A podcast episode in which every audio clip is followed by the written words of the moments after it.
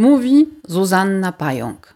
Konstelacją Kopernika to podcast Polek i Polaków z Oksitanii. Opowiada historię ludzi, którzy tu mieszkają, tworzą i pracują. Opowiada o emigracji, o asymilacji i o podwójnej kulturze.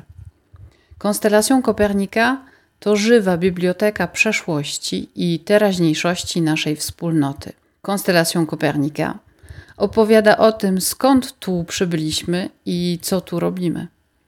Konstelacją Kopernika opowiada o nas poza stereotypami.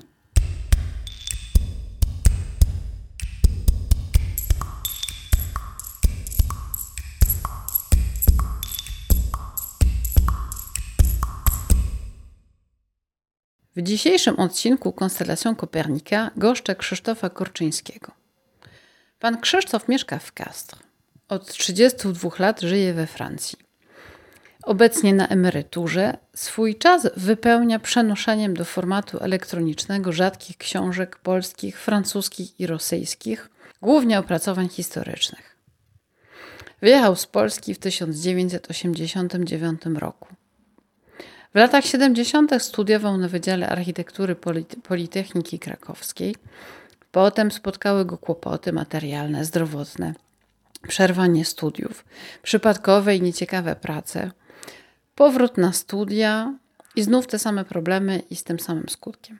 W tym samym czasie pracował w studenckim radiowęźle, Stan wojenny w rodzinnym, e, spędził w rodzinnym domu na wsi, drukował lokalne biuletyny o mikroskopijnym nakładzie, pracował w stolarni, potem w małej poligrafii, wrócił do Krakowa w orwellowskim 1984 roku. Pracował w zakładzie graficznym Politechniki Krakowskiej, przygotowywał książki do druku techniką offsetową. W styczniu 1989 roku zdecydował się wyemigrować do Francji różne dorywcze prace Paryż, Alençon, Gimont, Toulouse, Porte-sur-Garonne, Castres. Rozmawiamy w towarzystwie kota o emigracji, o zakorzenieniu, o więzi z Polską i o życiu. Dzień dobry, panie Krzysztofie. Dzień dobry, pani Zuzanna. Jesteśmy w Castres u pana. Tak. Mieszka pan tutaj już od kilku lat? Siedmiu z kawałkiem. A we Francji jest pan już od lat długich. 33. Mhm. Co pana sprowadziło do Francji? No, tak jak y, wszystkich, większość Polaków, którzy wyjechali z Polski do Francji, większość, no bo była wielka emigracja polityczna, ale była wielka emigracja ekonomiczna i ja to tak mniej więcej bardziej ekonomicznie niż politycznie. To znaczy, nie to, że politycznie byłbym jakiś obojętny, ale po prostu uważałem zawsze i do tej pory uważam, kiedyś to tam była tak zwana komuna, że nie walczy się z komuną w Polsce za granicą. No, w bardzo wyjątkowych przypadkach coś można zrobić, ale komunę się zwalcza tam, gdzie ona jest.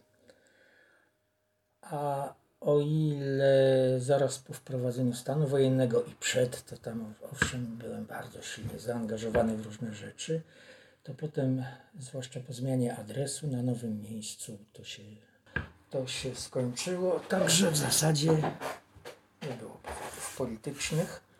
Był raczej powód inny, który próbowałem pociągnąć pod politykę, bo tak myślałem. Mianowicie miałem wtedy narzeczoną Rosjankę.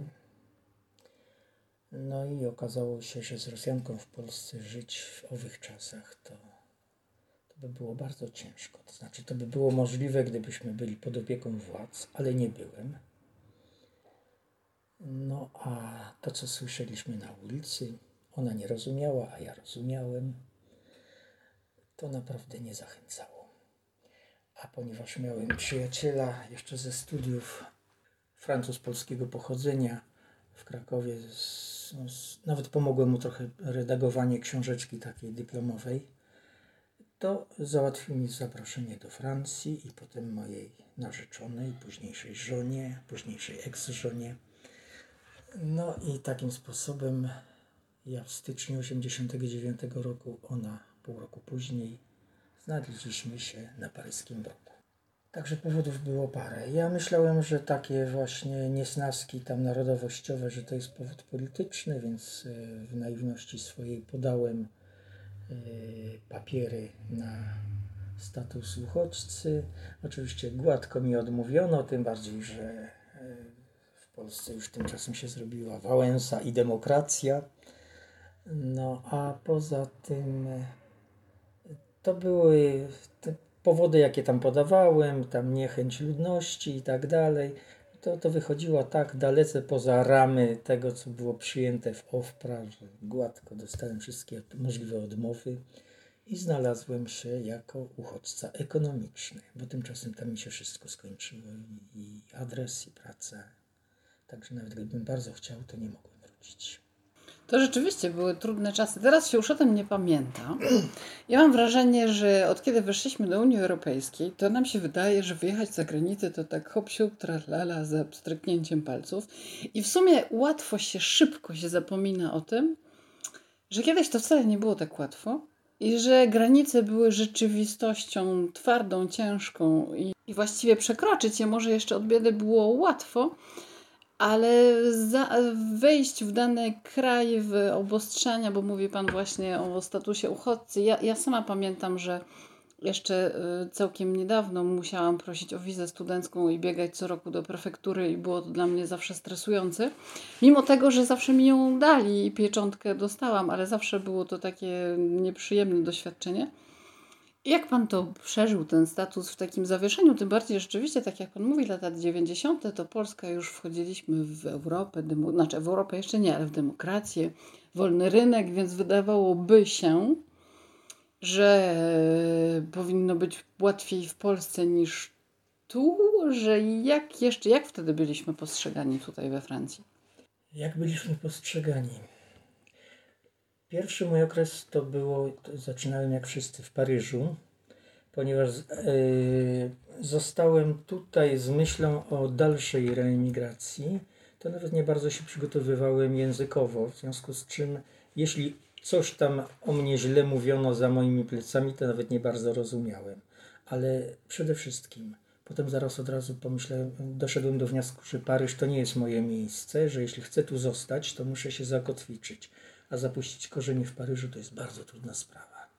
W związku z czym od razu zacząłem się rozglądać za jakimś miejscem na, na prowincji. To najpierw był Alençon, potem to było Gimont w Gaskonii, potem Toulouse, Portet-sur-Garonne, no i wreszcie Castres. Yy, ale nigdzie, tam gdzie już rozumiałem, czyli począwszy od Alençonu i Gimont, nigdzie nie spotkałem, nie słyszałem ani jednego złego słowa na temat mojej polskości. Czasem były fajne takie jakieś żarty. Na przykład pamiętam w biurze, coś tam po raz któryś kolejny zaznaczyłem, że ja jestem Polakiem. No i tu mnie kolega poklepał dobrotliwie po ramieniu. Tankiet pamą pod presony parfait. No więc tego typu sprawy, ale zawsze, zawsze się spotykałem z taką sympatią, że każdemu bym życzył naprawdę to tak. Jeśli chodzi o sprawy formalne, no to też nie jest to tak zupełnie jak, e, jak pani powiedziała, że kiedyś to było trudniej, a potem było łatwiej. Tak to zrozumiałem. No więc e, w, wtedy, na początku 1989 roku, gdy złożyłem w dobrej wierze, w najlepszej, te moje, moje dosie na prefekturze policji w Paryżu, to dostałem e, resypicydy i tak dalej. I to mi dawało prawo do podjęcia dowolnej pracy na całym terytorium francuskim. Po pięciu latach miałem prawo pracować tylko w zawodzie, który aktualnie wykonywałem, czyli kreślarz e, w kartografii technicznej i tylko na danym departamencie.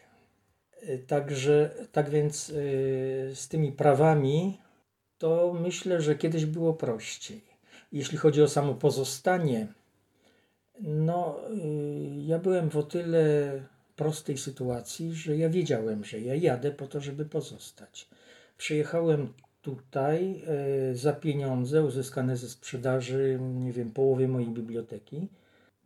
Miałem jeszcze nawet kieszonkowe 120 dolarów, no bo, bo dolary, bo myślałem, że pojadę dalej do Kanady albo do Nowej Zelandii. Takie miałem marzenia. I wiedziałem, że zostanę, więc od razu yy, machałem ręką na wszelkie tam prowizorki. Niektórzy z moich kolegów tam pracowali już po kilka lat na jakichś budowach. Mieszkali po czterech na jakichś spiętrzonych pryczach gdzieś w czwartej zonie w Paryżu. Ja na to wszystko machnąłem ręką. Ja chciałem jak najprędzej zapuścić korzenie. Ale nie było to już takie proste, bo miałem już prawie 35 lat wieku to się już jest, e, no debiutant 35-letni to zawsze jest podejrzana osoba we Francji. Bo na przykład spotkałem naszego rodaka, który był archeologiem w Polsce, miał wykształcenie archeologa, ale zamieszkał w Niemczech. No więc jak się tam prze, przekwalifikował na informatyka, to patrzyli na niego z zachwytem, że jest taki poliwalentny, że potrafi się zmienić zainteresowania, że, że nie jest z, skoncentrowany tylko na jednym. A tutaj, jak masz taki dyplom, to z takim dyplomem żyj. I umrzyj. I umrzyj. I, i jeśli ten dyplom już nie jest ważny, no to um, postaraj się umrzeć, bądź grzeczny i umrzyj jak najprędzej. No, Francja ma to do siebie, że jest y, pod, pod tym względem skostniała trochę i te święte dyplomy, które raz człowieka ostemplują i już jest tak do końca świata, to jest, no jest mi to znane w każdym razie. A nie wątpię. To zjawisko. Ale zauważyłem też coś takiego, że jak człowiek dopiero robi tutaj swoje pierwsze kroki, to zawód, jaki zadeklaruje, dosyć łatwo, przynajmniej wtedy, przyjmują na wiarę. No bo jakbym e, powiedział, że jestem architektem, nie skończyłem studiów architektonicznych, nie jestem, ale gdybym powiedział, że jestem architektem, no to jestem. No mam e, jak, jakiś dyplom albo go nie mam i wtedy mi e, dawali szansę. Bo to, czy, czy jestem po, z takiej politechniki, czy z innej, im to wszystko mało co mówi. Wiedzą, gdzie, gdzie jest Warszawa, gdzieś na wschodzie, nie? E, coś tam wiedzą o Krakowie i dalej to już, to już nic. Więc czy to jest taka uczelnia, czy taka, czy tak się nazywa, czy inaczej, pokaż co umiesz. My i tak tego nie rozumiemy, tych waszych dyplomów. Ale to działa przez pierwszy, bardzo krótki okres. Jeśli się nie sprawdzisz, no to koniec. Ja myślałem, że jestem drukarzem. Więc od razu mnie wysłali. Mieszkałem wtedy w Alençon, krótko, przez parę miesięcy. Wysłali mnie do drukarni do Baye. Załatwili mi pracę. Francuzi z asocjacji takiej pomagającej. No i okazało się, że drukarzem to ja mogę być w Polsce, ale tu jest inna technika. Ja byłem, e, pracowałem, e, moja ostatnia praca kilka lat to było na Politechnice Krakowskiej e, w drukarni e, Politechniki, gdzie produkowaliśmy skrypty, książki naukowe, mało nakładowe, takie różne rzeczy. Drukowało się to techniką offsetową, ale już blachy offsetowe przygotowywało się taką metodą, jakiej tu we Francji nawet, nawet nie mogą sobie wyobrazić, że to jest możliwe, mianowicie na kserografię. A co to jest kserograf, to też żaden Francuz sobie nie mógł wyobrazić, bo nie wiem, czy pani pamięta kserografy. Nie bardzo. To była taka maszyna wielkości, jakby powiedzieć, no porządna, e, taka wysokości mniej więcej 1,50 m i y, miała taki y, egzemplarz do skopiowania, wkładało się pod taką szybę i on się stawiało naprzeciw obiektywu. Naświetlało się to. Y, przez ten obiektyw obraz utrwalał się na chwilę tylko w takiej ciemni jak u fotografa takiego, co jeszcze sobie zakładał kiedyś czarną płachtę na plecy. No i na płycie selenowej potem się to przerzucało, taki, papier, e, taki proszek e, elektrostatyczny się e, z takim z czarnym proszkiem się prze, przez, przerzucało kilkakrotnie i ono, tam przylegało na miejscach nienaświetlonych. Krótko mówiąc, maszyna, gdzie, która to co teraz i, i wtedy nawet tu we Francji, jak się robi fotokopię, to się wkłada do, pod, e, pod taką przykrywkę, kładzie się na ekranie, naciska się guzik i tych fotokopii w ciągu minuty kiedyś 10 wyskakiwało, a teraz to 50 potrafi. A na kserografię to jedną fotokopię się robiło, to specjalny człowiek był do obsługi tego i trzeba było mieć spore kwalifikacje. I taką fotokopię się robiło 3 minuty, jedną. Mało tego, ponieważ można było z, m, zrobić nie, nie wiadomo co, więc to było pod, pod nadzorem. Jak były jakieś, jakieś fotokopia, to gdzieś to zawsze było koło gabinetu dyrektora, żeby dyrektor widział, Kto co kopiuje? kto co kopiuje, papier był wydzielany i tak dalej, i tak dalej. No więc taki drukarz, na, tak, na tej maszynie zamiast przenosić to na papier, można było przenosić na blachę e, cynkową specjalnie spreparowaną i to była matryca offsetowa. No więc z takimi wiadomościami przyjechałem do Francji i uważałem, że jestem świetnym drukarzem. Zresztą dobrze to robiłem. No, ale tu się okazało, że oni to robią tak jak cały świat, foto, fotochemicznie. Takiej metody, oni ani takich maszyn nigdy nie mieli, ani takich metod nie znają. A jak mnie zaprowadzili do maszyny offsetowej w tym baje, to zbladłem i nogi się pode mną zatrzęsły. Bo to, na czym ja pracowałem, to było takie mniej więcej jak to pianino, tylko troszeczkę wyższe. A tam stanąłem przed maszyną, która była rozmiarów yy, chyba londyńskiego autobusu, takiego piętrowego i długości autobusu z przyczepą. Do tego się wchodziło przez drzwiczki i powiedzieli, że na początek będę tylko tę maszynę czyścił. Jezus Maria, a co tu się czyści? Jak się do tego zabrać? Gdzie tu są te wałki? No, e, ostatecznie skończyło się na tym, że przez trzy miesiące, przez trzy dni w tej drukarni w Baje zamiatałem. E, Zapłacili mi za te trzy dni i powiedzieli, no to życzymy powodzenia. No i tak to potem wyglądało. Jak przyszedłem jako kreślarz, to jeszcze znalazłem biuro, gdzie się kreśliło rapidografami, ale tak na ogół to już wszędzie był AutoCAD i na komputerach. No więc y, jakiej pracy bym się nie, nie do jakiej pracy bym się nie przyjął, no to wszędzie byłem debiutantem, ale debiutant 35-letni, a potem 36, a potem 40-letni. To jest figura bardzo podejrzana. Dlatego w mojej karierze zawodowej tutaj to jest tak pół na pół praca i bezrobocie. Ostatnią pracę straciłem, miałem 54 lata, no i potem już nie miałem. Ale nigdy nie myślał Pan o powrocie do Polski. A nie, yy, po pierwsze nie myślałem, bo, bo wyjechałem z zamiarem pozostania, więc jakoś tym bardziej yy, założyłem tu rodzinę. Pół roku po mnie przyjechała ta moja ówczesna narzeczona. No i razem jakoś przebijaliśmy się tutaj przez życie. Mieliśmy dzieci. Ona przyjechała już ze swoim synem, dwunastoletnim wtedy. Potem urodził się Filip. Potem Arina, którą pani zna. 13 miesięcy po Filipie. No i, i o żadnych powrotach nie można było nawet, nie było czasu myśleć. Były prace różne. Praca tutaj wiadomo jest do późnego wieczoru, no, do wczesnego wieczora powiedzmy, ale cały dzień to nie było tak jak w Polsce o trzeciej się kończyło. Dom, codzienne problemy różne i wychowawcze i różne inne. Potem jeszcze teściowa tu zjechała, no więc w ogóle się zrobiło ciekawie. No a w Polsce tymczasem nie miałem nic już. Straciłem pracę, nigdy nie miałem tam specjalnie mieszkania, mieszkałem kątem. No więc nawet teraz, gdybym myślał o powrocie do Polski, jestem ze wsi spod Sandomierza. W moim domu, niegdyś rodzinnym, mieszka teraz inna rodzina. W Sandomierzu nigdy nie mieszkałem. W Krakowie nawet nie mogę tam teraz wejść, bo jest z, zamknięte tylko za hasłem i jakimiś tam kluczami. No gdzie pojadę? Do Warszawy, do Krakowa, na wieś, w Bieszczady. Nie mam tam miejsca.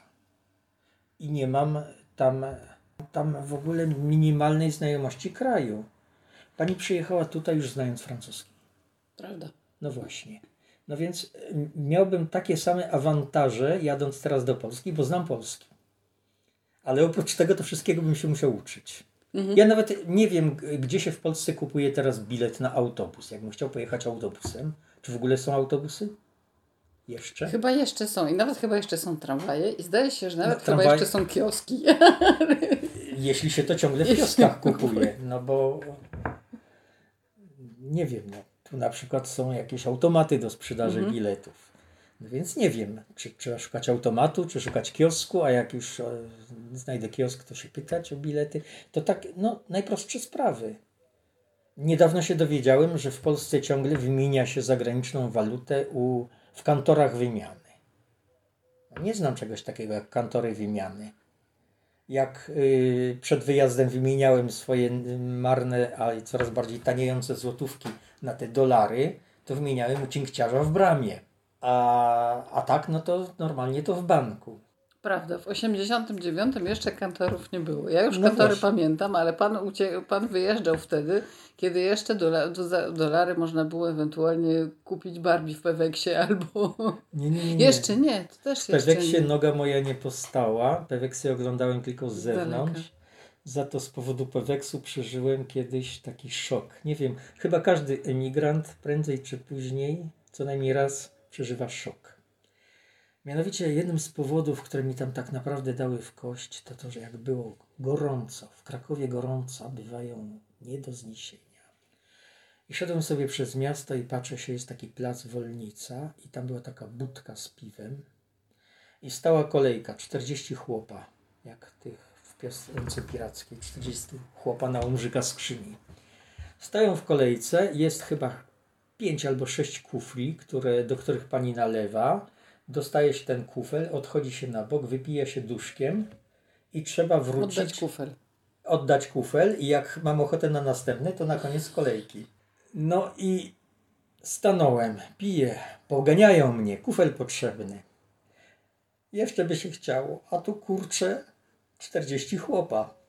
Ja sobie pomyślałem, jeśli są takie kraje, gdzie podobno piwo można kupić tak sobie, zachodzę, kupuję jakie chcę, ile chcę i, i, i, i kiedy chcę, to ja tam chcę być.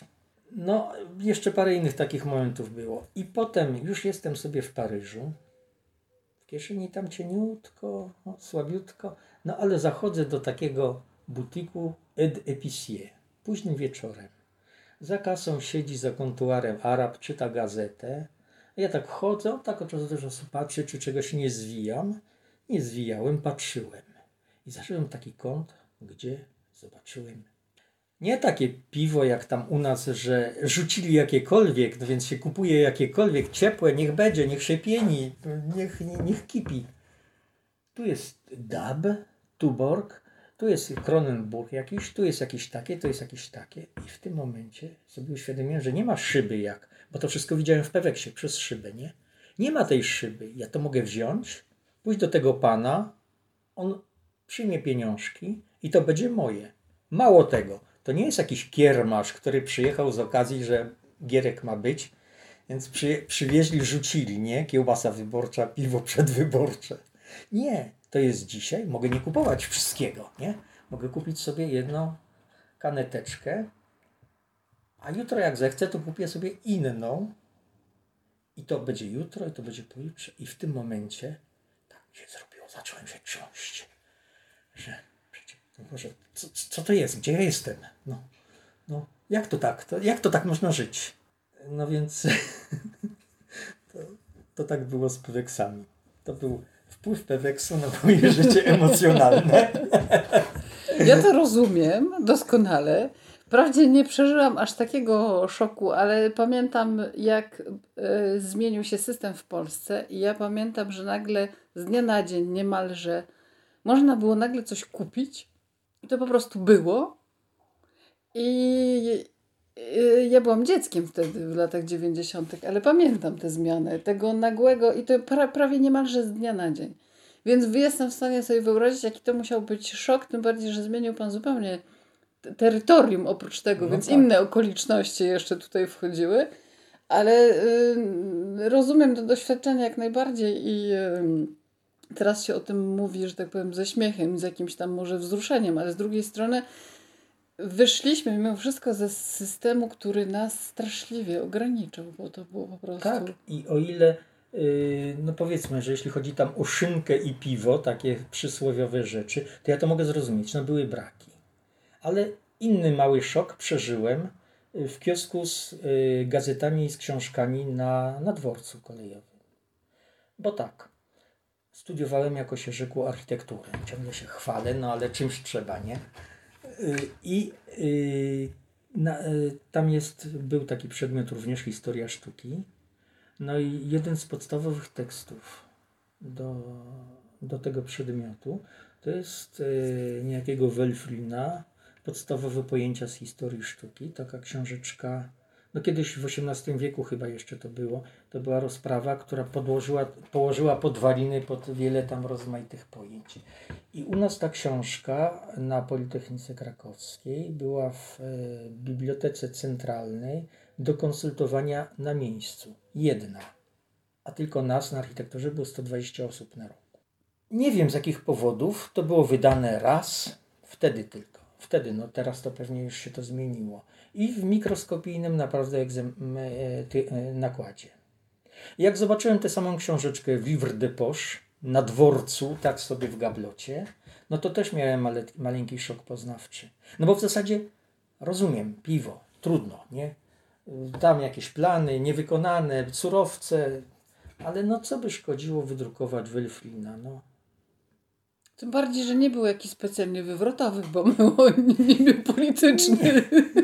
Mówię tylko o historii sztuki. No tak. Tam chodziło, o, o, ile pamiętam, tam chodziło o takie przeciwstawienie, no przeciwstawiał, e, postrzegał sztukę, historię sztuki jako taki ciąg e, tendencji renesansowych i barokowych. Renesans to jest takie koncentryczne i zorganizowane i symetryczne, a barok e, ma taką tendencję do rozbiegania się w, w nieskończoność. No i no, no, a co by to szkodziło, jakbyśmy to wszyscy wiedzieli i nie, nie bez tej kolejki do tej... Do tej biblioteki. No. No ale tak było jakoś. Pewnie nie było w planie jakimś sześcioletnim czy pięcioletnim ujęte, no i w następnym też nie. A poza tym byli swoi, jacyś tam, Jan Białostocki, Tatarkiewicz. Swoich trzeba promować, a jakichś Welflinów czy Dworzaków. Mimo tego, że, mi, że właściwie Polskę pan opuścił w jakiś tam sposób, obserwuje ją pan cały czas stąd. Tak. Intensywnie i z pewną wnikliwością, którą ja szczerze mówiąc podziwiam. A to widzę, że nie tylko obserwuję, ale jestem obserwowany. To, to znowu przypomina coś, to chyba Nietzsche takie coś, że tego jeśli się będziesz wpatrywał w nieskończoność, to nieskończoność zacznie się wpatrywać w ciebie. Uważaj. Od tego można zwariować. No, nie mam pretensji do bycia nieskończonością, więc widzę to i podziwiam Pana w sumie za pamięć, ponieważ e, czasami jak czytam to, co Pan pisze, to sięga Pan pamięcią do takich szczegółów z historii Polski, które mnie w ogóle, które musiałabym po prostu odszukać sama. To raz.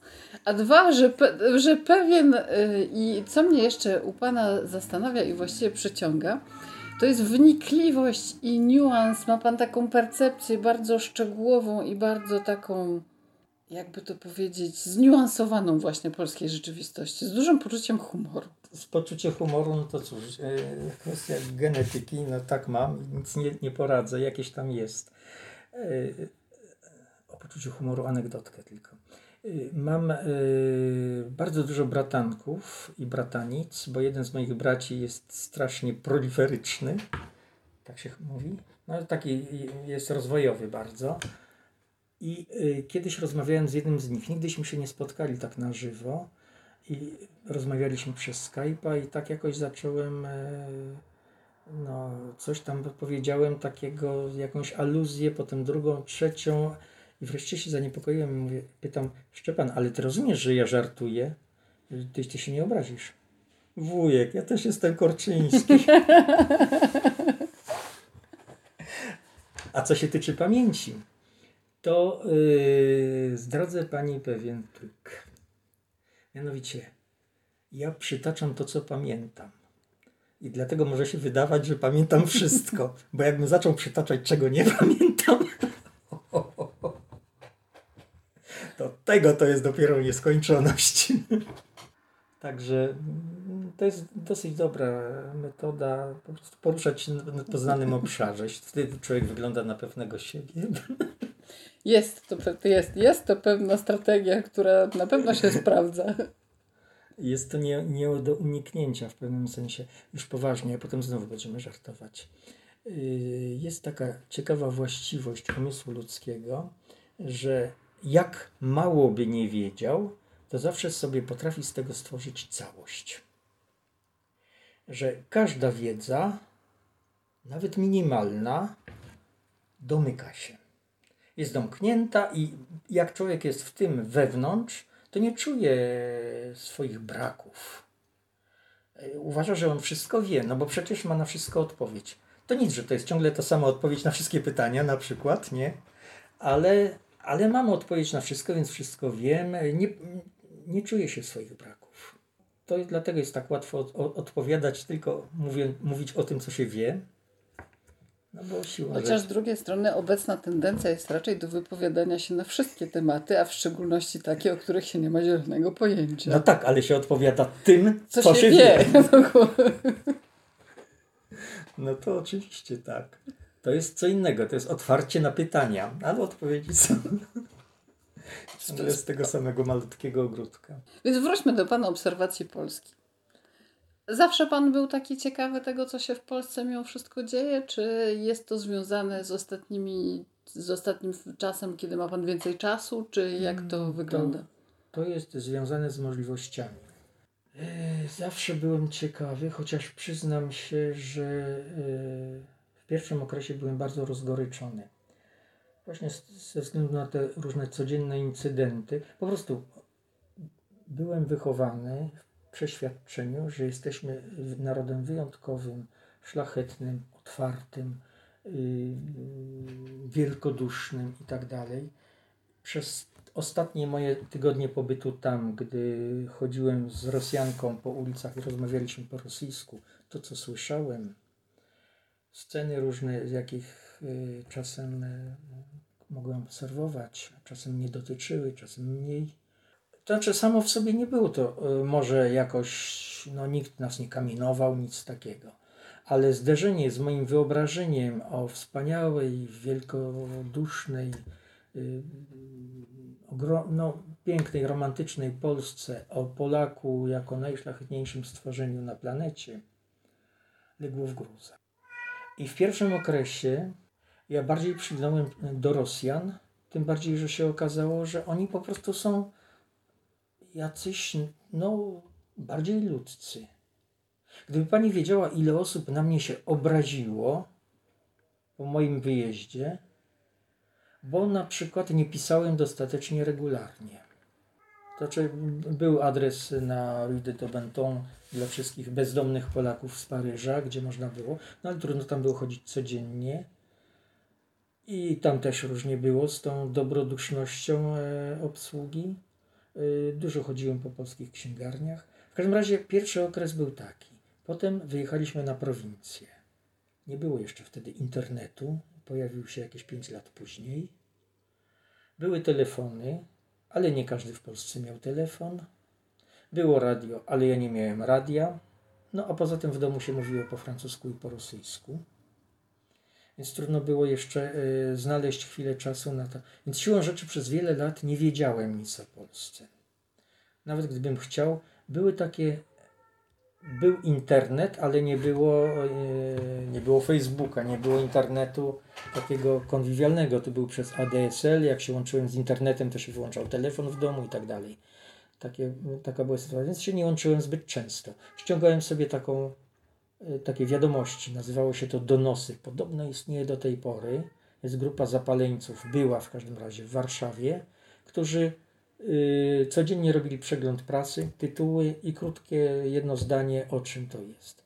Więc to mi dawało pojęcie mniej więcej, w którą stronę to idzie, co się, co się dzieje. Ale pojawiały się nowe nazwy partii, które mi wiele nie mówiły, nazwiska, których, które znałem, których nie znałem.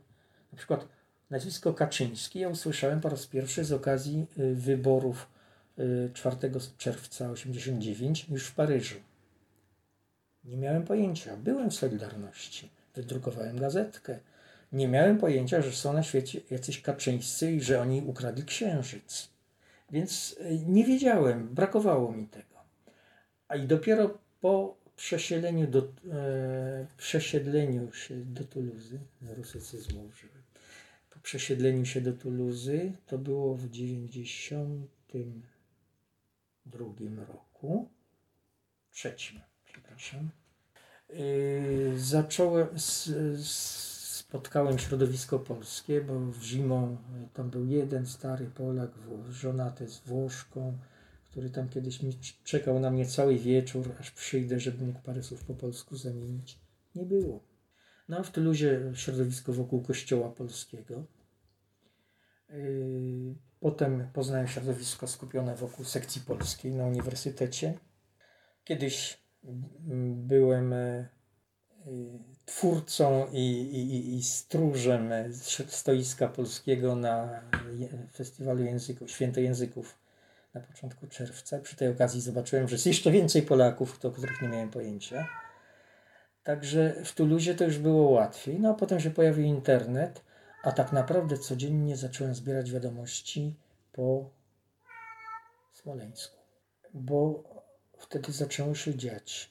I zresztą wtedy najbardziej, najserdeczniej, yy, z największą troską pytali o to wszystko moi przyjaciele Moskale. Nawet dowiedziałem się o tym od Rosjanina. Nawiasem mówiąc od Rosjanina, z którym poprzedniego wieczoru, w piątek, pokłóciliśmy się o historię. Bo yy, ja próbowałem mu opowiedzieć, że wyzwolenie to nie było znowu takie bardzo mm, wielkie święto, bo o ile za, za Niemca pod okupacją na wsi to trzeba się było bać tylko czarnych, czyli SS-manów, to po wyzwoleniu trzeba się było być każdego wyzwoliciela, a ci z kolei bali się tylko swoich tych z niebieskimi otokami NKWD. Ale i że, że rabowali, że kradli, że, że gwałcili, że, że, że były bijatyki, że zabijali. On tego nie chciał w ogóle zrozumieć. I rozstaliśmy się tak właściwie milcząc. I na drugi dzień on pierwszy zadzwonił. Krzysztof, ty słyszałeś, co się stało w Smoleńsku. Słuchaj, ty, ja, ja ci serdecznie współczuję. Tam nie było nikogo, twoje, żadnego twojego znajomego. Tacy są Rosjanie. I tacy jesteśmy my. Także no, wtedy po prostu, żeby odpowiadać na ich pytania, to z, zresztą z potrzeby serca swojego. No, ludzi, osobiście nie znałem nikogo z tych, co zginęli w Smoleńsku, ale o wielu wiedziałem, wielu szanowałem. I, no i czułem, że nadeszły jakieś sądne dni, że coś się dzieje. I od tamtej pory w zasadzie jestem cały czas na, na nasłuchu. W tej chwili na przykład, jeśli chodzi na przykład o epidemię, lepiej chyba wiem więcej o sytuacji w Polsce niż we Francji. Mam aplikację w telefonie, która mnie informuje, co się dzieje w departamencie, no i już, ale podobno tutaj przybywa. To jest gdzieś normalne. Teraz jestem w takiej sytuacji kompletnego odosobnienia. Od siedmiu lat jestem w Kastr, gdzie nie znam nikogo i ponieważ nie mam żadnej aktywności ani naukowej, ani yy, zawodowej, ani żadnej innej, nie mam okazji z, z żadnej znajomości zawrzeć. No trudno podchodzić do ludzi na ulicy, przedstawiać się. Znaczy, mówimy sobie dzień dobry z sąsiadami, ale na tym się to kończy. Za próg nikt nie wpuści i nikt do mnie nie przyjdzie. Także y, tygodniami bywa, że nie otwieram gęby do nikogo, bo nie mam do kogo. Jest Skype ewentualnie, jeśli ktoś zadzwoni, jeśli ja do kogoś, ale na tym koniec. No więc siłą rzeczy. Yy, jakoś więcej wiadomości mam z Polski. Czy czuje się Pan we Francji zakorzeniony, bo spędził to Pan mimo wszystko dużą część swojego życia? A mówi Pan o przyjaciołach Rosjanach, ogląda Pan polski internet. Czy czuje się Pan tutaj u siebie? Czy czuje się Pan cały czas jak trochę obcy w obcej ziemi? Jak to wygląda? Czy obserwuje Pan też Francję? Co, jak Pan się, że tak powiem, z Francją czuje? Zacznę od zakorzenienia. Mam jakieś te korzenie francuskie i to trochę dalej nawet niż by się mogło wydawać. Mój dziadek tutaj zmarł, mój ojciec się tu urodził. Oni mm, byli częścią tej wielkiej emigracji po I wojnie światowej. I to jest nawet. Y, nie wiem, dlaczego moja babka wróciła z moim ojcem, swoim synem, dwuletnim, wróciła na wieś. Pod, naprzeciw Sandomierza, to jest ten północny koniec Galicji, sam czubek niegdyś monarchii. Nie wiem dlaczego i już nikt mi nie powie. Teraz ja jestem najstarszy w rodzinie, teraz mnie mogą pytać, a ja nie znam żadnych odpowiedzi. Ale wróciła i jak tam było przed wojną, nie wiem. Jak było w czasie wojny, nie wiem. Po wojnie, wiadomo, e, nie było dobrze widziane mieć krewnych za granicą, a tym bardziej męża albo, albo ojca. Więc dopiero na początku lat 60. ojciec zaczął starania przez e, Czerwony Krzyż poszukiwania e, swojego ojca, mojego dziadka. Znalazł go. Dziadek y, był w kampanii francuskiej, był internowany. Zwyczajny żołnierz, więc był w Stalagu. Potem y, chyba w 1942 zwolniony, pracował w jakimś tartaku, stracił wzrok i najpierw tam pisał, ale takimi strasznymi kulfonami i potem y, przyszło kolejny, przyszedł kolejny list w czerwcu 1967 roku Okazuje się, wtedy jak była wojna na Bliskim Wschodzie, tam e, ta wojna Jom Kippur chyba się nazywała, e, taka kilkudniowa między Izraelem i wszystkimi sąsiadami, dziadek zmarł. Napisał list e, jego kolega i z, ze Stalagu, i potem z tego tartaku, i z domu starców. Po dziadku zostały tam jakieś no, 15 franków, jakieś fotografie Y, ojciec miał zamiar go ściągnąć, ale z środków materialnych wiele nie było, więc y, y, trochę się ta sprawa ślimaczyła. Dziadek był chory, no i tak już zostało. Jak przyjechałem, próbowałem e, odnaleźć, bo jeszcze mam tu jakichś krewnych, ale to już są w zasadzie ich dzieci i wnuki. Ja wtedy po francusku bardzo słabo, a oni po polsku wcale. Połączyli mnie telefonicznie z jakąś staruszką, która tylko skrzyczała Proszę mnie zostawić w spokoju, bo ja nic nie wiem, nic nie pamiętam, zostawcie mnie w spokoju. Nie wiem, może już miała blisko 100 lat. No więc takie to są te moje korzenie. A jeśli chodzi o moje poczucie wewnętrzne, u nas w domu zawsze było jakieś takie przekonanie, że Francja to jest to jest tak jak Polska, tylko tam inaczej mówią, ale ludzie są tacy, tacy sami. Ja w zasadzie ciągle mi się to potwierdzało. Może gdybym został w Paryżu, tam ludzie mają na tyle już dosyć wszelkich cudzoziemców, że to no, oni, oni tam nawet Polaków nie lubią, o tak powiem.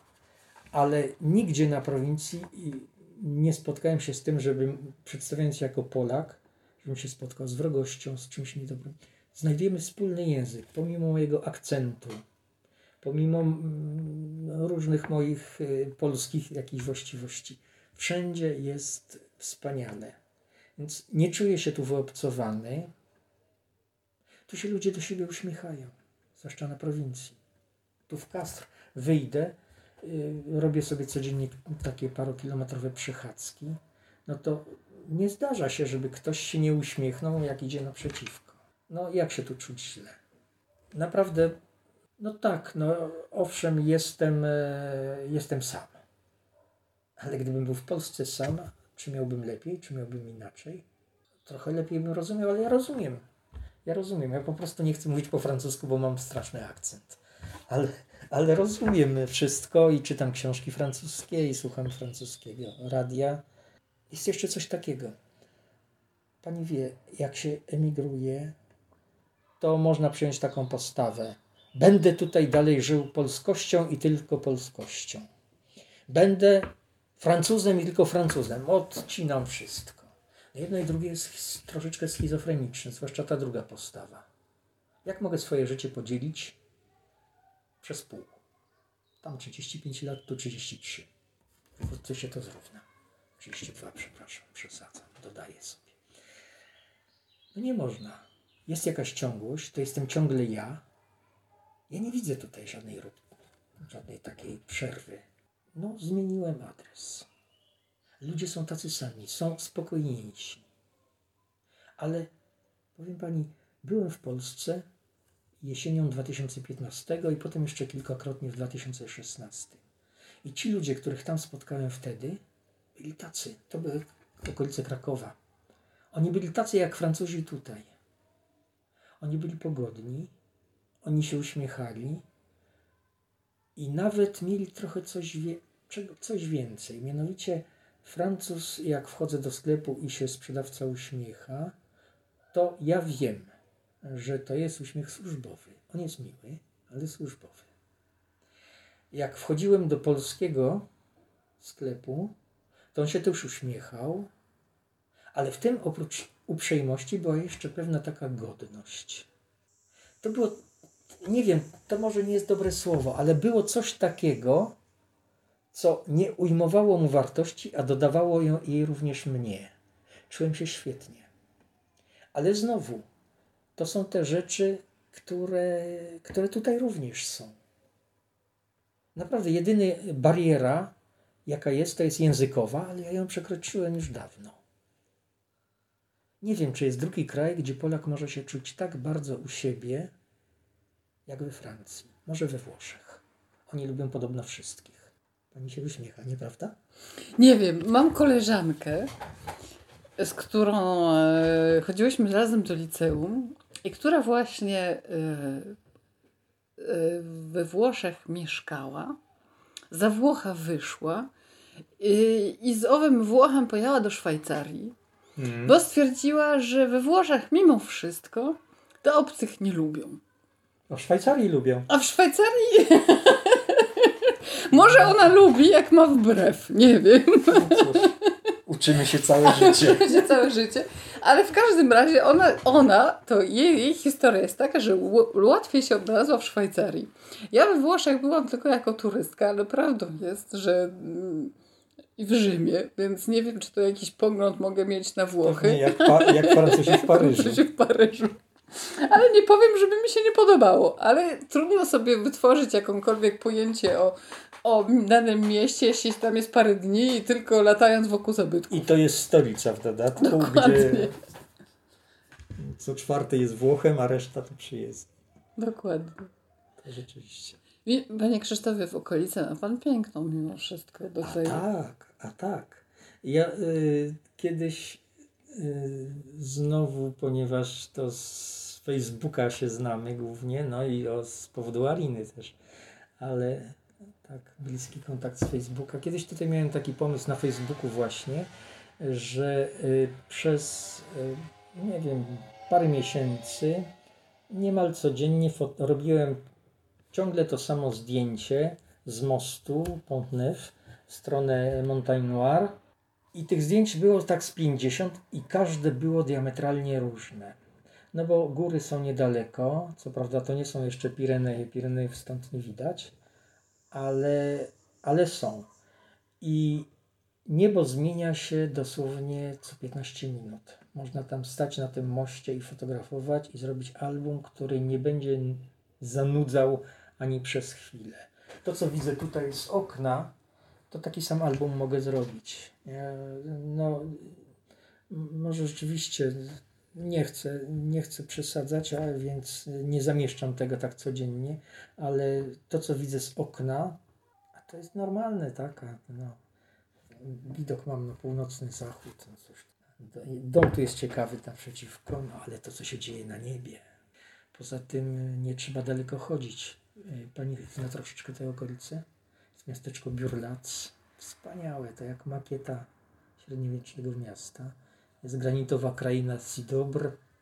Są miejscowości w drugą stronę, te takie ze starymi zamkami, Montmiral, Pucelsi, Saint-Antonin de Nobleval, Corse-sur-Ciel, i wiele, i wiele innych, i tak można wymieniać i wymieniać. Rzut beretem mam tu Carcassonne, a bliżej jest e, taka miejscowość, wioska. A właśnie tutaj widać, że miewam również braki w pamięci, luki w pamięci. Wioska, której specjalnością jest książka. Mhm. E, to jest od Carcassonne, jak stąd patrzeć, to na prawo i trochę bliżej. Byliśmy tam kiedyś. No, jakbym staliśmy do komputera, to bym zaraz sobie przypomniał, albo sobie i tak przypomnę, ale już będzie za późno. No więc tutaj można tak ciągle naokoło i zawsze wszędzie jest coś ciekawego. W ogóle Francja jest taka, że można tu chodzić i chodzić. A jak się człowiekowi znudzi, to jeszcze jest Hiszpania, jeszcze są północne Włochy. Może w drugą stronę po Francji, Dordogne. Nie wiem, to jest, to jest kraj... Wie Pani, jestem spod Sandomierza. Zawsze się tak jakoś utarło, że to perła taka, że w całym naszym świecie nie ma niczego równie pięknego jak Sandomierz. To jest piękne miasto i to jest miasto, które mam w sercu cały czas, bo to, Pani, jak się człowiek rodzi, to się rodzi w jakimś konkretnym miejscu i potem tak kręgami poznaje świat. Te kręgi się rozszerzają. I gdzieś tam już z pierwszego swojego kręgu, zaraz po urodzeniu, na, na horyzoncie widziałem taką piękną koronę. To jest to wzgórze sandomierskie z tymi jego tam wieżami, z zamkiem, z kolegiem Gostomianem, gdzie później chodziłem do szkoły. I to zawsze to jakoś ciągnęło, to ciągnęło dalej. Jeśli coś takiego jest na horyzoncie, to co jest za horyzontem, idziemy dalej. Potem był Kraków, potem, potem und morgen die ganze Welt. Ale, więc ten Sandomierz jest dla mnie bardzo ważny i cenny.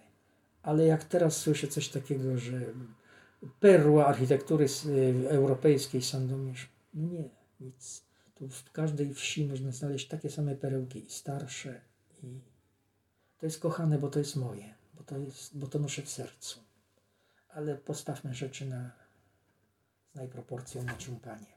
A Francję można zwiedzać codziennie i cały dzień. I życie nie wystarczy. Dziękuję panie Krzysztofie.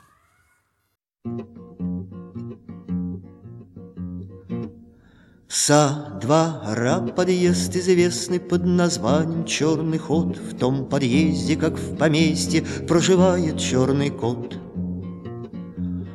Он в усы усмешку прячет, темнота ему как щит. Все коты поют и плачут, этот черный кот молчит. Он давно мышей не ловит, усмехается в усы, Ловит нас на честном слове на кусочки колбасы.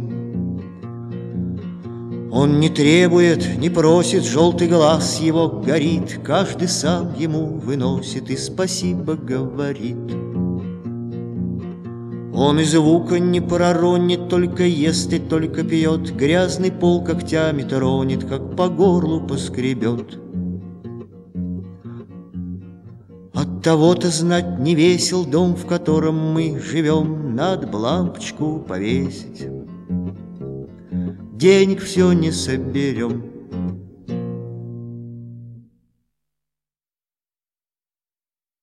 To koniec dzisiejszego odcinka Konstelacją Kopernika. Następne spotkanie za dwa tygodnie. Do usłyszenia. Mówi Zuzanna Pająk. Konstelacją Kopernika to podcast Polek i Polaków z Oksitanii. Opowiada historię ludzi, którzy tu mieszkają, tworzą i pracują. Opowiada o emigracji, o asymilacji i o podwójnej kulturze. Konstelacją Kopernika to żywa biblioteka przeszłości i teraźniejszości naszej wspólnoty. Konstelacją Kopernika opowiada o tym, skąd tu przybyliśmy i co tu robimy. Konstelacją Kopernika opowiada o nas poza stereotypami.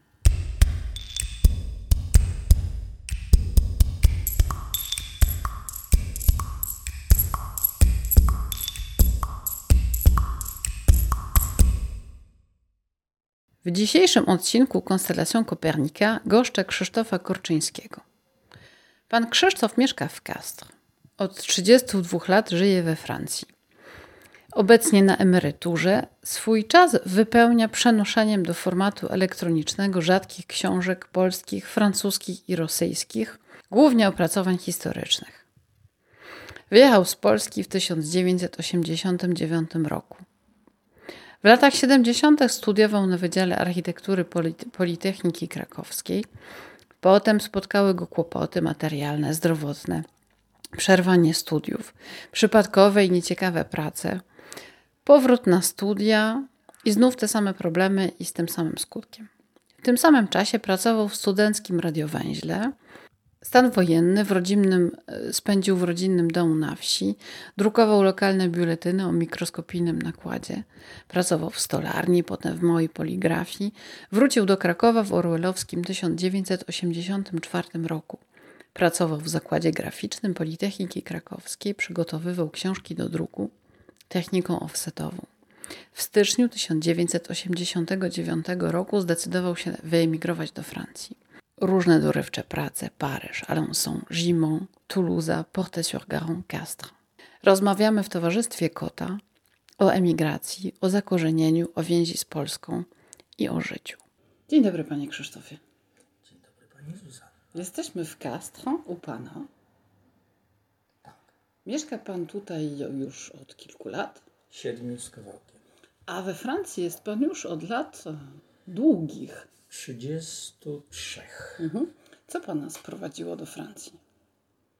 No tak jak y, wszystkich, większość Polaków, którzy wyjechali z Polski do Francji, większość, no bo była wielka emigracja polityczna, ale była wielka emigracja ekonomiczna i ja to tak mniej więcej bardziej ekonomicznie niż politycznie. To znaczy nie to, że politycznie byłbym jakiś obojętny, ale po prostu uważałem zawsze i do tej pory uważam, kiedyś to tam była tak zwana komuna, że nie walczy się z komuną w Polsce za granicą. No, w bardzo wyjątkowych przypadkach coś można zrobić, ale komunę się zwalcza tam, gdzie ona jest. A o ile zaraz po wprowadzeniu stanu wojennego i przed, to tam owszem byłem bardzo silnie zaangażowany w różne rzeczy, to potem, zwłaszcza po zmianie adresu na nowym miejscu, to się, to się skończyło. Także w zasadzie nie było powodów politycznych. Był raczej po- powód inny, który próbowałem podciągnąć pod politykę, bo tak myślałem. Mianowicie miałem wtedy narzeczoną Rosjankę. No i okazało się, że z Rosjanką w Polsce żyć w owych czasach to, to by było bardzo ciężko. To znaczy, to by było możliwe, gdybyśmy byli pod opieką władz, ale nie byłem. No a to, co słyszeliśmy na ulicy, ona nie rozumiała, a ja rozumiałem, to naprawdę nie zachęcało. A ponieważ miałem przyjaciela jeszcze ze studiów Francuz polskiego pochodzenia w Krakowie, z, z, nawet pomogłem mu trochę redagowanie książeczki takiej dyplomowej, to załatwił mi zaproszenie do Francji i potem mojej narzeczonej, późniejszej żonie, późniejszej ex-żonie. No i takim sposobem ja w styczniu 1989 roku, ona pół roku później, znaleźliśmy się na paryskim bloku. Także powodów było parę. Ja myślałem, że takie właśnie niesnaski tam narodowościowe, że to jest powód polityczny, więc e, w naiwności swojej podałem papiery na status uchodźcy. Oczywiście gładko mi odmówiono, tym bardziej, że e, w Polsce już tymczasem się zrobiła Wałęsa i demokracja. No a poza tym e, to były powody, jakie tam podawałem, tam niechęć ludności i tak dalej. To, to wychodziło tak dalece poza ramy tego, co było przyjęte w OFPRA, że gładko dostałem wszystkie możliwe odmowy i znalazłem się jako uchodźca ekonomiczny, bo tymczasem tam mi się wszystko skończyło i adres, i praca. Także nawet gdybym bardzo chciał, to nie mogłem wrócić. To rzeczywiście były trudne czasy. Teraz się już o tym nie pamięta. Ja mam wrażenie, że od kiedy weszliśmy do Unii Europejskiej, to nam się wydaje, że wyjechać za granicę to tak hop siup, tralala, za stryknięciem palców. I w sumie łatwo się, szybko się zapomina o tym, że kiedyś to wcale nie było tak łatwo i że granice były rzeczywistością twardą, ciężką i, i właściwie przekroczyć je może jeszcze od biedy było łatwo, ale za, wejść w dany kraj, w obostrzenia, bo mówi Pan właśnie o statusie uchodźcy. Ja, ja sama pamiętam, że jeszcze y, całkiem niedawno musiałam prosić o wizę studencką i biegać co roku do prefektury i było to dla mnie zawsze stresujące. Mimo tego, że zawsze mi ją dali i pieczątkę dostałam, ale zawsze było to takie nieprzyjemne doświadczenie.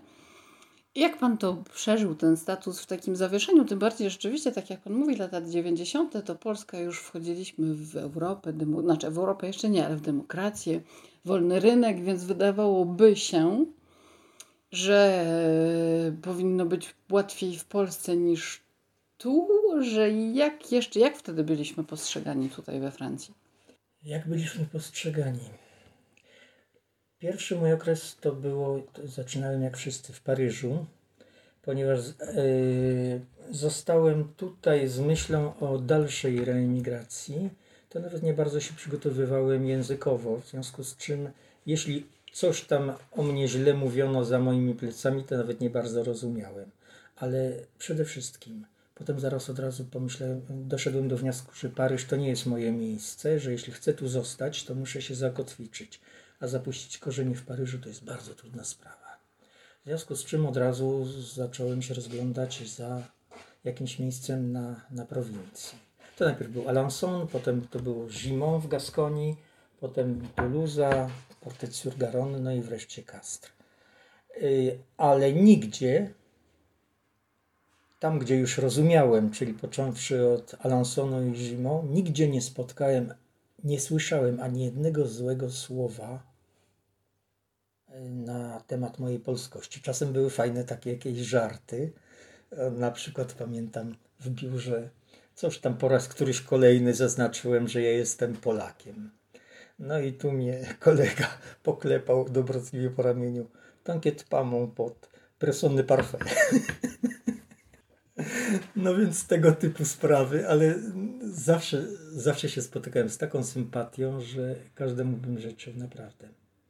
To tak, jeśli chodzi o sprawy formalne, no to też nie jest to tak zupełnie jak, e, jak pani powiedziała, że kiedyś to było trudniej, a potem było łatwiej. Tak to zrozumiałem. No więc e, w, wtedy na początku 1989 roku, gdy złożyłem e, w dobrej wierze, w najlepszej, te moje, moje dosie na prefekturze policji w Paryżu, to dostałem e, resypicydy i tak dalej.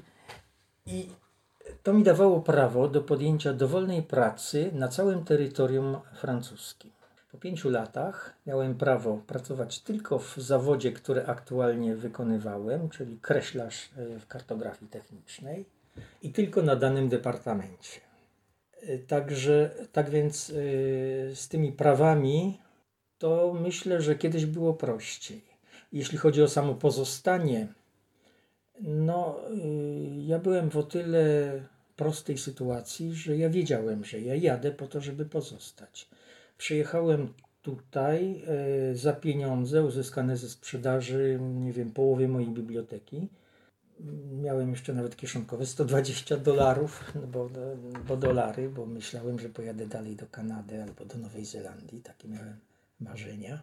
I e, wiedziałem, że zostanę, więc od razu yy, machałem ręką na wszelkie tam prowizorki. Niektórzy z moich kolegów tam pracowali już po kilka lat na jakichś budowach, mieszkali po czterech na jakichś spiętrzonych pryczach gdzieś w czwartej zonie w Paryżu. Ja na to wszystko machnąłem ręką, ja chciałem jak najprędzej zapuścić korzenie. Ale nie było to już takie proste, bo miałem już prawie 35 lat tym wieku to się już jest, e, no, debiutant 35-letni to zawsze jest podejrzana osoba we Francji. Bo na przykład spotkałem naszego rodaka, który był archeologiem w Polsce, miał wykształcenie archeologa, ale zamieszkał w Niemczech. No więc jak się tam prze, przekwalifikował na informatyka, to patrzyli na niego z zachwytem, że jest taki poliwalentny, że potrafi się zmienić zainteresowania, że, że nie jest z, skoncentrowany tylko na jednym. A tutaj, jak masz taki dyplom, to z takim dyplomem żyj. I umrzyj. I umrzyj. I, i jeśli ten dyplom już nie jest ważny, no to um, postaraj się umrzeć, bądź grzeczny i umrzyj jak najprędzej. Także... No, Francja ma to do siebie, że jest y, pod, pod tym względem skostniała trochę i te święte dyplomy, które raz człowieka ostemplują i już jest tak do końca świata, to jest, no jest mi to znane w każdym razie. A nie wątpię. To zjawisko.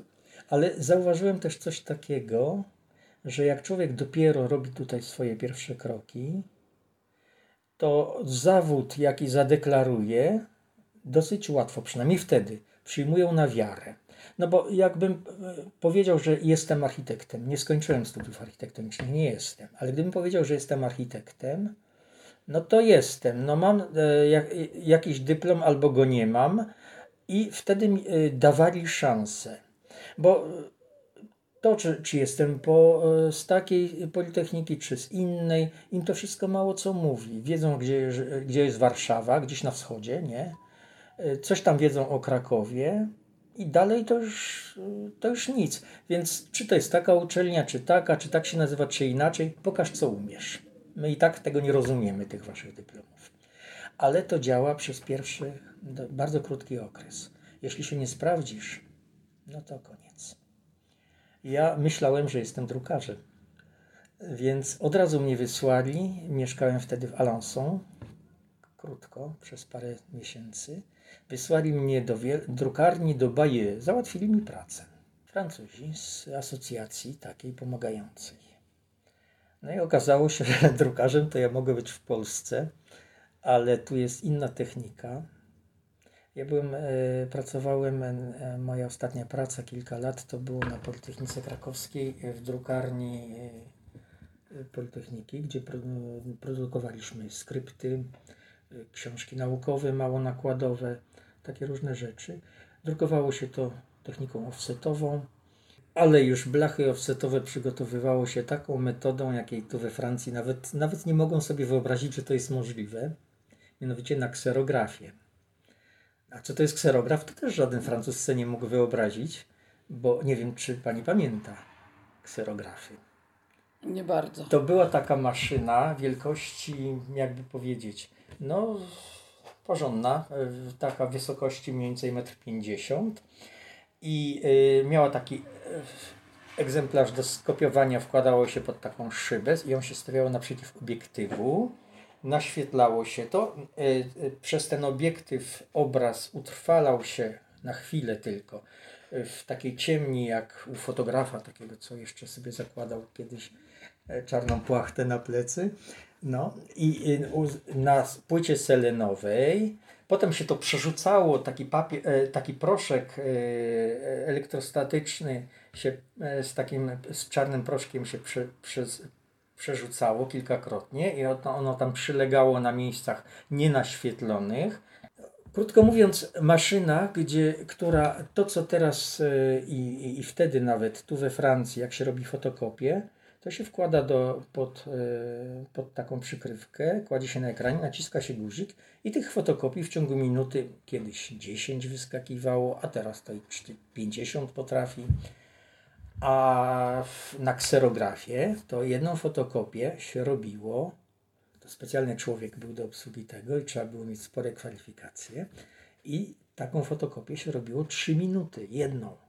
Mało tego, ponieważ można było z, m, zrobić nie, nie wiadomo co, więc to było pod, pod nadzorem. Jak były jakieś, jakieś fotokopia, to gdzieś to zawsze było koło gabinetu dyrektora, żeby dyrektor widział. Kto co kopiuje to co kopiuje, papier był wydzielany i tak dalej, i tak dalej. No więc taki drukarz na, te, na tej maszynie zamiast przenosić to na papier, można było przenosić na blachę cynkową specjalnie spreparowaną i to była matryca offsetowa. No więc z takimi wiadomościami przyjechałem do Francji i uważałem, że jestem świetnym drukarzem. Zresztą dobrze to robiłem. No ale tu się okazało, że oni to robią tak jak cały świat, foto, fotochemicznie. Takiej metody, oni ani takich maszyn nigdy nie mieli, ani takich metod nie znają. A jak mnie zaprowadzili do maszyny offsetowej w tym baje, to zbladłem i nogi się pode mną zatrzęsły. Bo to, na czym ja pracowałem, to było takie mniej więcej jak to pianino, tylko troszeczkę wyższe.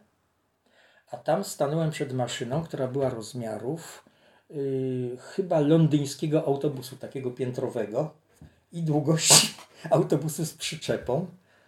Do tego się wchodziło przez drzwiczki i powiedzieli, że na początek będę tylko tę maszynę czyścił. Jezus Maria, a co tu się czyści? Jak się do tego zabrać? Gdzie tu są te wałki? No, e, ostatecznie skończyło się na tym, że przez trzy miesiące, przez trzy dni w tej drukarni w Baje zamiatałem. E, zapłacili mi za te trzy dni i powiedzieli, no to życzymy powodzenia. No i tak to potem wyglądało, jak przyszedłem jako kreślarz to jeszcze znalazłem biuro, gdzie się kreśliło rapidografami, ale tak na ogół to już wszędzie był AutoCAD i na komputerach. No więc y, jakiej pracy bym się nie, nie do jakiej pracy bym się nie przyjął, no to wszędzie byłem debiutantem, ale debiutant 35-letni, a potem 36, a potem 40-letni. To jest figura bardzo podejrzana. Dlatego w mojej karierze zawodowej tutaj to jest tak pół na pół praca i bezrobocie. Ostatnią pracę straciłem, miałem 54 lata, no i potem już nie miałem. Ale nigdy nie myślał Pan o powrocie do Polski. A nie, yy, po pierwsze nie myślałem, bo, bo wyjechałem z zamiarem pozostania, więc jakoś tym bardziej yy, założyłem tu rodzinę. Pół roku po mnie przyjechała ta moja ówczesna narzeczona. No i razem jakoś przebijaliśmy się tutaj przez życie. Mieliśmy dzieci. Ona przyjechała już ze swoim synem, dwunastoletnim wtedy. Potem urodził się Filip Potem Arina, którą pani zna. 13 miesięcy po Filipie.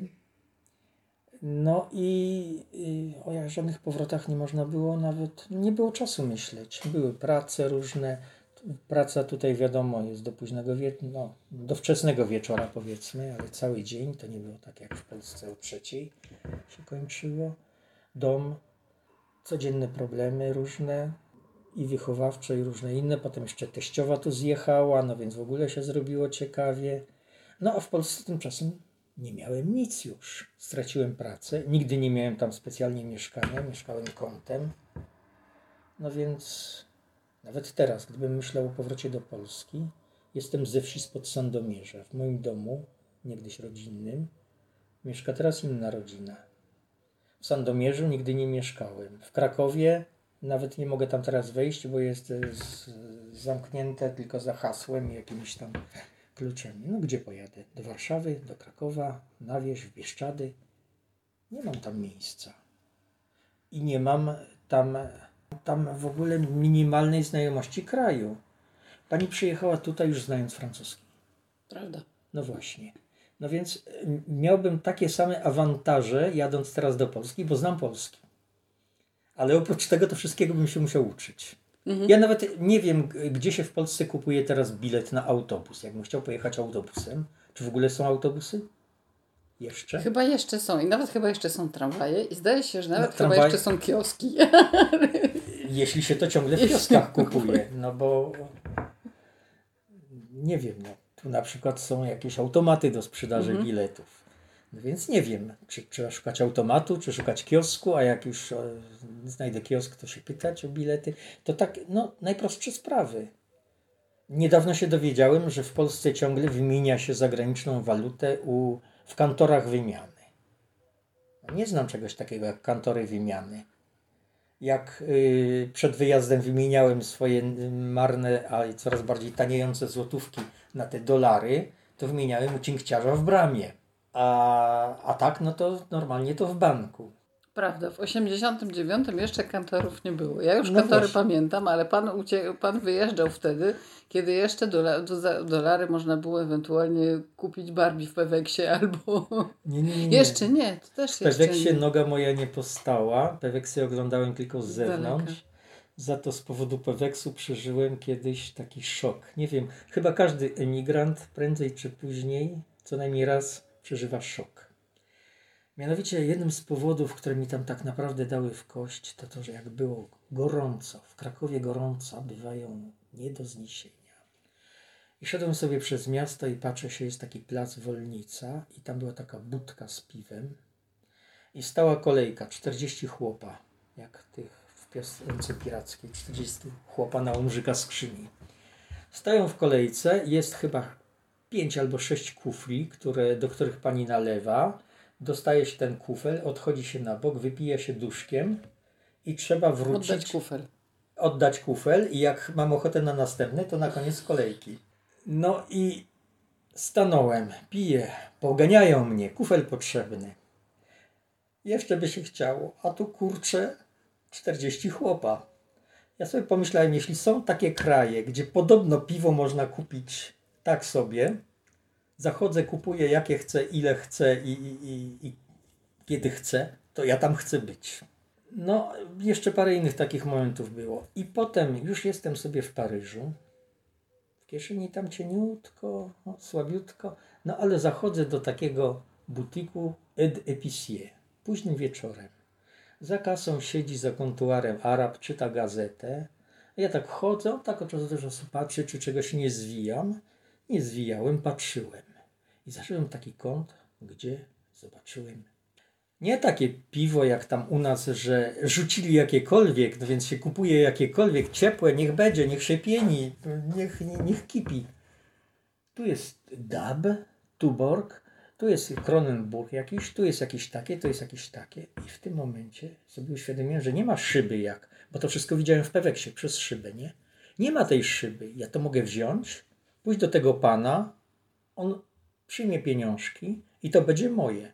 Mało tego, to nie jest jakiś kiermasz, który przyjechał z okazji, że Gierek ma być, więc przy, przywieźli, rzucili, nie? Kiełbasa wyborcza, piwo przedwyborcze.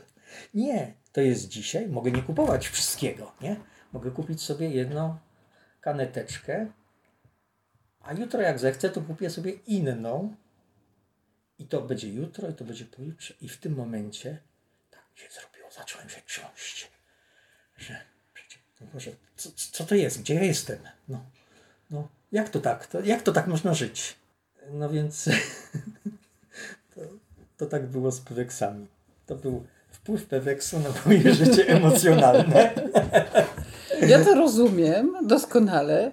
Wprawdzie nie przeżyłam aż takiego szoku, ale pamiętam, jak y, zmienił się system w Polsce, i ja pamiętam, że nagle z dnia na dzień niemalże można było nagle coś kupić, i to po prostu było. I ja byłam dzieckiem wtedy w latach 90., ale pamiętam te zmiany, tego nagłego i to pra, prawie niemalże z dnia na dzień.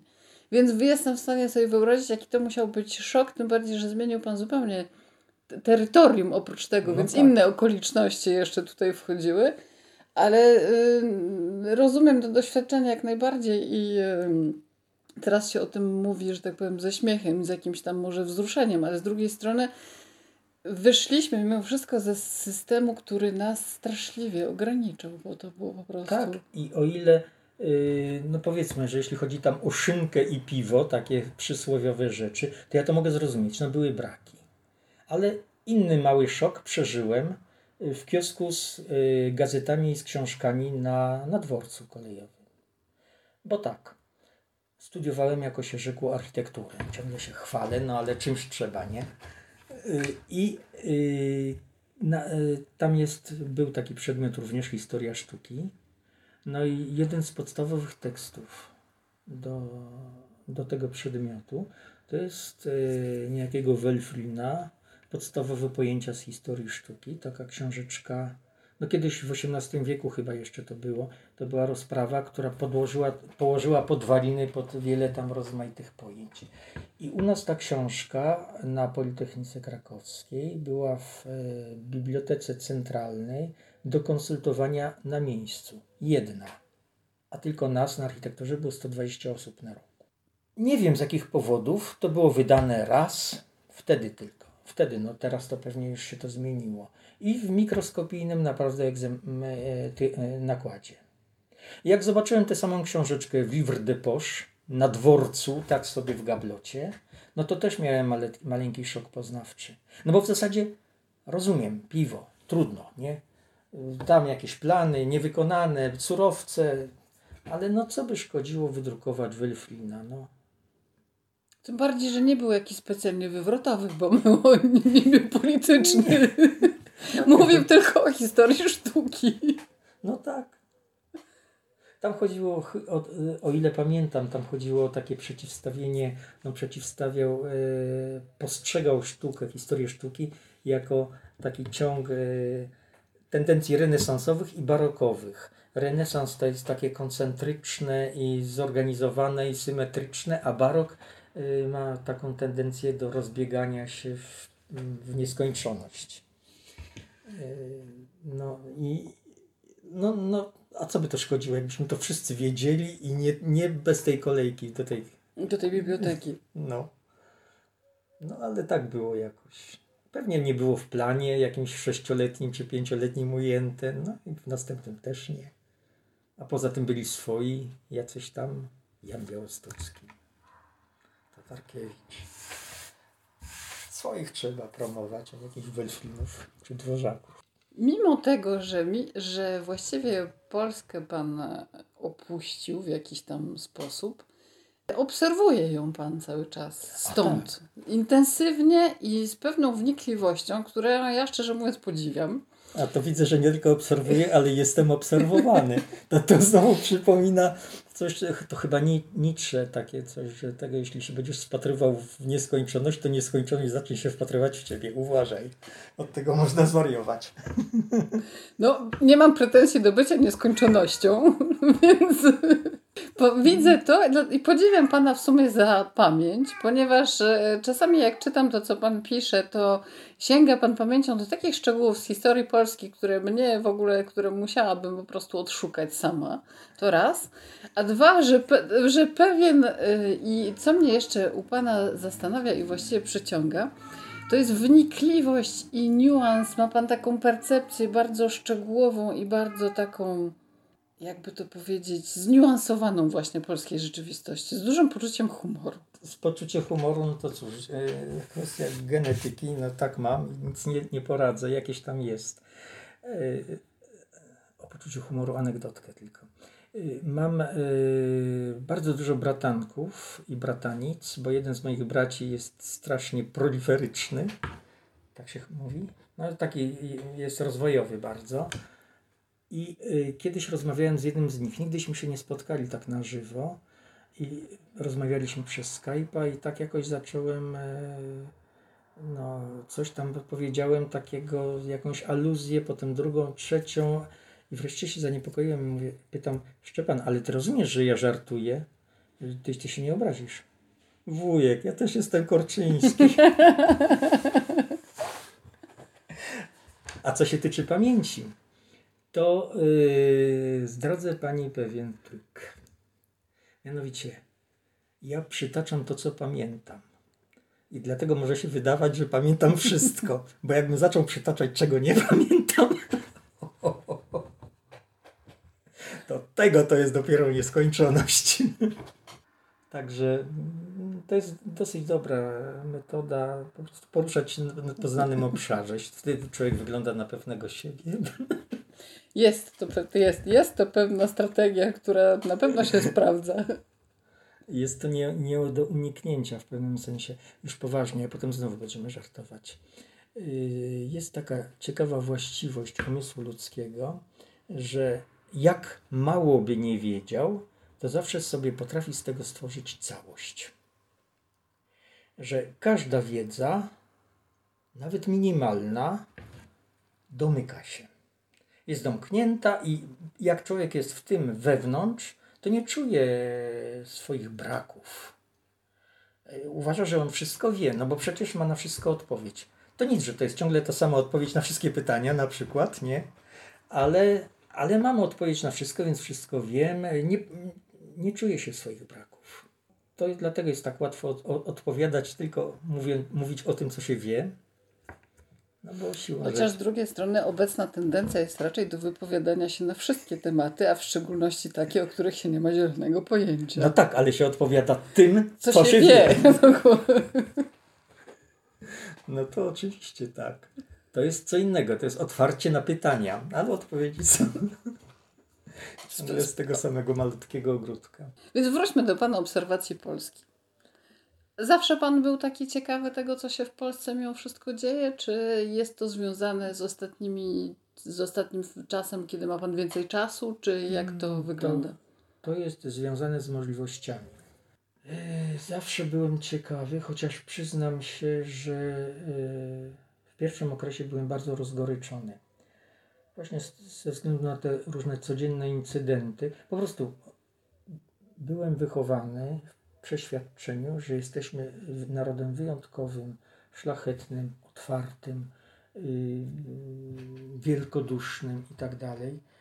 Przez ostatnie moje tygodnie pobytu tam, gdy chodziłem z Rosjanką po ulicach i rozmawialiśmy po rosyjsku, to co słyszałem, sceny różne, z jakich y, czasem y, mogłem obserwować, czasem mnie dotyczyły, czasem mniej. To znaczy, samo w sobie nie było to y, może jakoś, no nikt nas nie kaminował, nic takiego. Ale zderzenie z moim wyobrażeniem o wspaniałej, wielkodusznej, no, pięknej, romantycznej Polsce, o Polaku jako najszlachetniejszym stworzeniu na planecie, legło w gruzach. I w pierwszym okresie ja bardziej przygnąłem do Rosjan, tym bardziej, że się okazało, że oni po prostu są jacyś, no, bardziej ludzcy. Gdyby pani wiedziała, ile osób na mnie się obraziło po moim wyjeździe, bo na przykład nie pisałem dostatecznie regularnie. Znaczy, był adres na Rue de Tobenton dla wszystkich bezdomnych Polaków z Paryża, gdzie można było, no ale trudno tam było chodzić codziennie. I tam też różnie było z tą dobrodusznością e, obsługi. E, dużo chodziłem po polskich księgarniach. W każdym razie pierwszy okres był taki. Potem wyjechaliśmy na prowincję. Nie było jeszcze wtedy internetu, pojawił się jakieś 5 lat później. Były telefony, ale nie każdy w Polsce miał telefon. Było radio, ale ja nie miałem radia. No a poza tym w domu się mówiło po francusku i po rosyjsku. Więc trudno było jeszcze y, znaleźć chwilę czasu na to. Więc siłą rzeczy przez wiele lat nie wiedziałem nic o Polsce. Nawet gdybym chciał, były takie był internet, ale nie było, e, nie było Facebooka, nie było internetu takiego konwiwialnego. To był przez ADSL. Jak się łączyłem z internetem, to się wyłączał telefon w domu i tak dalej. Takie, taka była sytuacja, więc się nie łączyłem zbyt często. Ściągałem sobie taką, e, takie wiadomości, nazywało się to donosy. Podobno istnieje do tej pory. Jest grupa zapaleńców, była w każdym razie w Warszawie, którzy codziennie robili przegląd prasy, tytuły i krótkie jedno zdanie, o czym to jest. Więc to mi dawało pojęcie mniej więcej, w którą stronę to idzie, co się, co się dzieje. Ale pojawiały się nowe nazwy partii, które mi wiele nie mówiły, nazwiska, których, które znałem, których nie znałem. Na przykład nazwisko Kaczyński ja usłyszałem po raz pierwszy z okazji y, wyborów 4 y, czerwca 1989 już w Paryżu. Nie miałem pojęcia. Byłem w Solidarności. Wydrukowałem gazetkę. Nie miałem pojęcia, że są na świecie jacyś kaczyńscy i że oni ukradli księżyc. Więc e, nie wiedziałem, brakowało mi tego. A i dopiero po przesiedleniu, do, e, przesiedleniu się do Tuluzy, rusycyzmu użyłem, po przesiedleniu się do Tuluzy, to było w 92 roku, trzecim przepraszam, yy, zacząłem, spotkałem środowisko polskie, bo w zimą tam był jeden stary Polak, żonaty z Włoszką, który tam kiedyś mi czekał na mnie cały wieczór, aż przyjdę, żeby mógł parę słów po polsku zamienić. Nie było. No a w Tyluzie środowisko wokół kościoła polskiego. Yy, potem poznałem środowisko skupione wokół sekcji polskiej na uniwersytecie.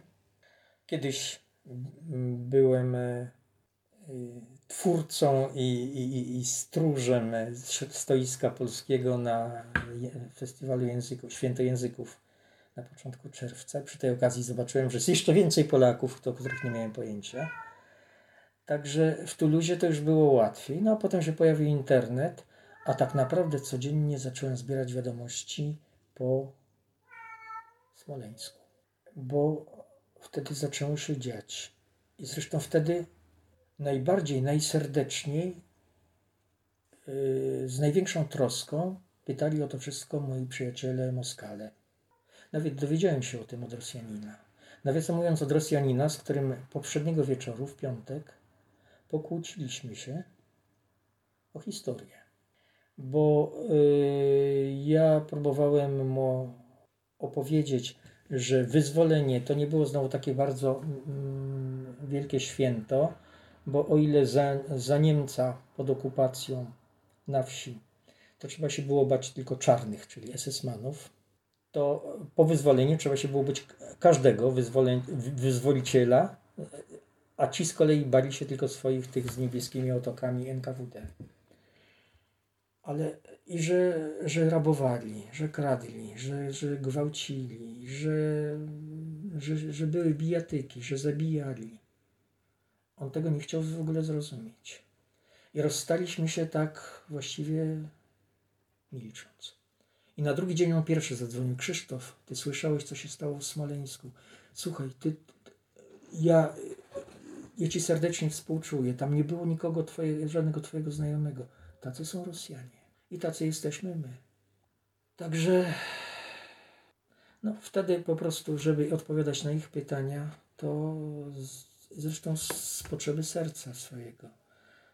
No, ludzi, osobiście nie znałem nikogo z tych, co zginęli w Smoleńsku, ale o wielu wiedziałem, wielu szanowałem. I, no i czułem, że nadeszły jakieś sądne dni, że coś się dzieje. I od tamtej pory w zasadzie jestem cały czas na, na nasłuchu. W tej chwili na przykład, jeśli chodzi na przykład o epidemię, lepiej chyba wiem więcej o sytuacji w Polsce niż we Francji. Mam aplikację w telefonie, która mnie informuje, co się dzieje w departamencie, no i już, ale podobno tutaj przybywa. To jest gdzieś normalne. Teraz jestem w takiej sytuacji kompletnego odosobnienia. Od siedmiu lat jestem w Kastr, gdzie nie znam nikogo i ponieważ nie mam żadnej aktywności ani naukowej, ani yy, zawodowej, ani żadnej innej, nie mam okazji z, z żadnej znajomości zawrzeć. No trudno podchodzić do ludzi na ulicy, przedstawiać się. Znaczy, mówimy sobie dzień dobry z sąsiadami, ale na tym się to kończy. Za próg nikt nie wpuści i nikt do mnie nie przyjdzie. Także tygodniami bywa, że nie otwieram gęby do nikogo, bo nie mam do kogo. Jest Skype ewentualnie, jeśli ktoś zadzwoni, jeśli ja do kogoś, ale na tym koniec. No więc siłą rzeczy. Yy, jakoś więcej wiadomości mam z Polski. Czy czuje się Pan we Francji zakorzeniony, bo spędził to Pan mimo wszystko dużą część swojego życia? A mówi Pan o przyjaciołach Rosjanach, ogląda Pan polski internet. Czy czuje się Pan tutaj u siebie? Czy czuje się Pan cały czas jak trochę obcy w obcej ziemi? Jak to wygląda? Czy obserwuje Pan też Francję? Co, jak Pan się, że tak powiem, z Francją czuje? Zacznę od zakorzenienia. Mam jakieś te korzenie francuskie i to trochę dalej nawet niż by się mogło wydawać. Mój dziadek tutaj zmarł, mój ojciec się tu urodził. Oni mm, byli częścią tej wielkiej emigracji po I wojnie światowej.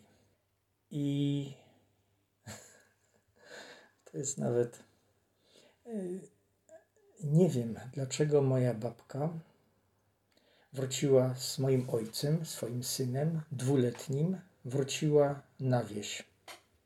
Pod, naprzeciw Sandomierza to jest ten północny koniec Galicji, sam czubek niegdyś monarchii. Nie wiem dlaczego i już nikt mi nie powie. Teraz ja jestem najstarszy w rodzinie, teraz mnie mogą pytać, a ja nie znam żadnych odpowiedzi. Ale wróciła i jak tam było przed wojną, nie wiem. Jak było w czasie wojny, nie wiem. Po wojnie, wiadomo, e, nie było dobrze widziane mieć krewnych za granicą, a tym bardziej męża albo, albo ojca. Więc dopiero na początku lat 60. ojciec zaczął starania przez e, Czerwony Krzyż poszukiwania e, swojego ojca, mojego dziadka. Znalazł go. Dziadek y, był w kampanii francuskiej, był internowany. Zwyczajny żołnierz, więc był w Stalagu. Potem y, chyba w 1942 zwolniony, pracował w jakimś tartaku, stracił wzrok i najpierw tam pisał, ale takimi strasznymi kulfonami i potem y, przyszło kolejne, przyszedł kolejny list w czerwcu 1967 roku Okazuje się, wtedy jak była wojna na Bliskim Wschodzie, tam e, ta wojna Jom Kippur chyba się nazywała, e, taka kilkudniowa między Izraelem i wszystkimi sąsiadami, dziadek zmarł. Napisał list e, jego kolega i z, ze Stalagu, i potem z tego tartaku, i z domu starców. Po dziadku zostały tam jakieś no, 15 franków, jakieś fotografie. Y, ojciec miał zamiar go ściągnąć, ale z środków materialnych wiele nie było, więc Trochę się ta sprawa ślimaczyła, dziadek był chory. No i tak już zostało. Jak przyjechałem, próbowałem e, odnaleźć, bo jeszcze mam tu jakichś krewnych, ale to już są w zasadzie ich dzieci i wnuki. Ja wtedy po francusku bardzo słabo, a oni po polsku wcale. Połączyli mnie telefonicznie z jakąś staruszką, która tylko skrzyczała: Proszę mnie zostawić w spokoju, bo ja nic nie wiem, nic nie pamiętam. Zostawcie mnie w spokoju. Nie wiem, może już miała blisko 100 lat. No więc takie to są te moje korzenie. A jeśli chodzi o moje poczucie wewnętrzne, u nas w domu zawsze było jakieś takie przekonanie, że Francja to jest, to jest tak jak Polska, tylko tam inaczej mówią, ale ludzie są tacy, tacy sami. Ja w zasadzie ciągle mi się to potwierdzało. Może gdybym został w Paryżu, tam ludzie mają na tyle już dosyć wszelkich cudzoziemców, że to no, oni, oni tam nawet Polaków nie lubią, o tak powiem. Ale nigdzie na prowincji nie spotkałem się z tym, żebym przedstawiając się jako Polak, żebym się spotkał z wrogością, z czymś niedobrym. Znajdujemy wspólny język, pomimo mojego akcentu, pomimo mm, różnych moich y, polskich jakichś właściwości. Wszędzie jest wspaniale. Więc nie czuję się tu wyobcowany. Tu się ludzie do siebie uśmiechają, zwłaszcza na prowincji. Tu w Kastr wyjdę, robię sobie codziennie takie parokilometrowe przechadzki, no to nie zdarza się, żeby ktoś się nie uśmiechnął, jak idzie naprzeciwko. No jak się tu czuć źle? Naprawdę, no tak, no owszem, jestem, e, jestem sam. Ale gdybym był w Polsce sam, czy miałbym lepiej, czy miałbym inaczej? Trochę lepiej bym rozumiał, ale ja rozumiem. Ja rozumiem. Ja po prostu nie chcę mówić po francusku, bo mam straszny akcent. Ale ale rozumiem wszystko i czytam książki francuskie i słucham francuskiego radia. Jest jeszcze coś takiego.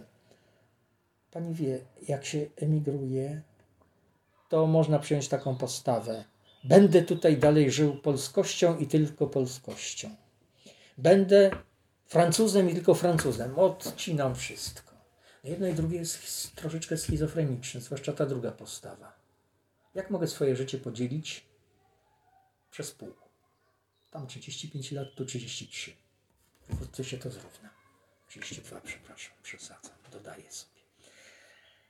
No nie można. Jest jakaś ciągłość, to jestem ciągle ja. Ja nie widzę tutaj żadnej, żadnej takiej przerwy. No, zmieniłem adres. Ludzie są tacy sami, są spokojniejsi.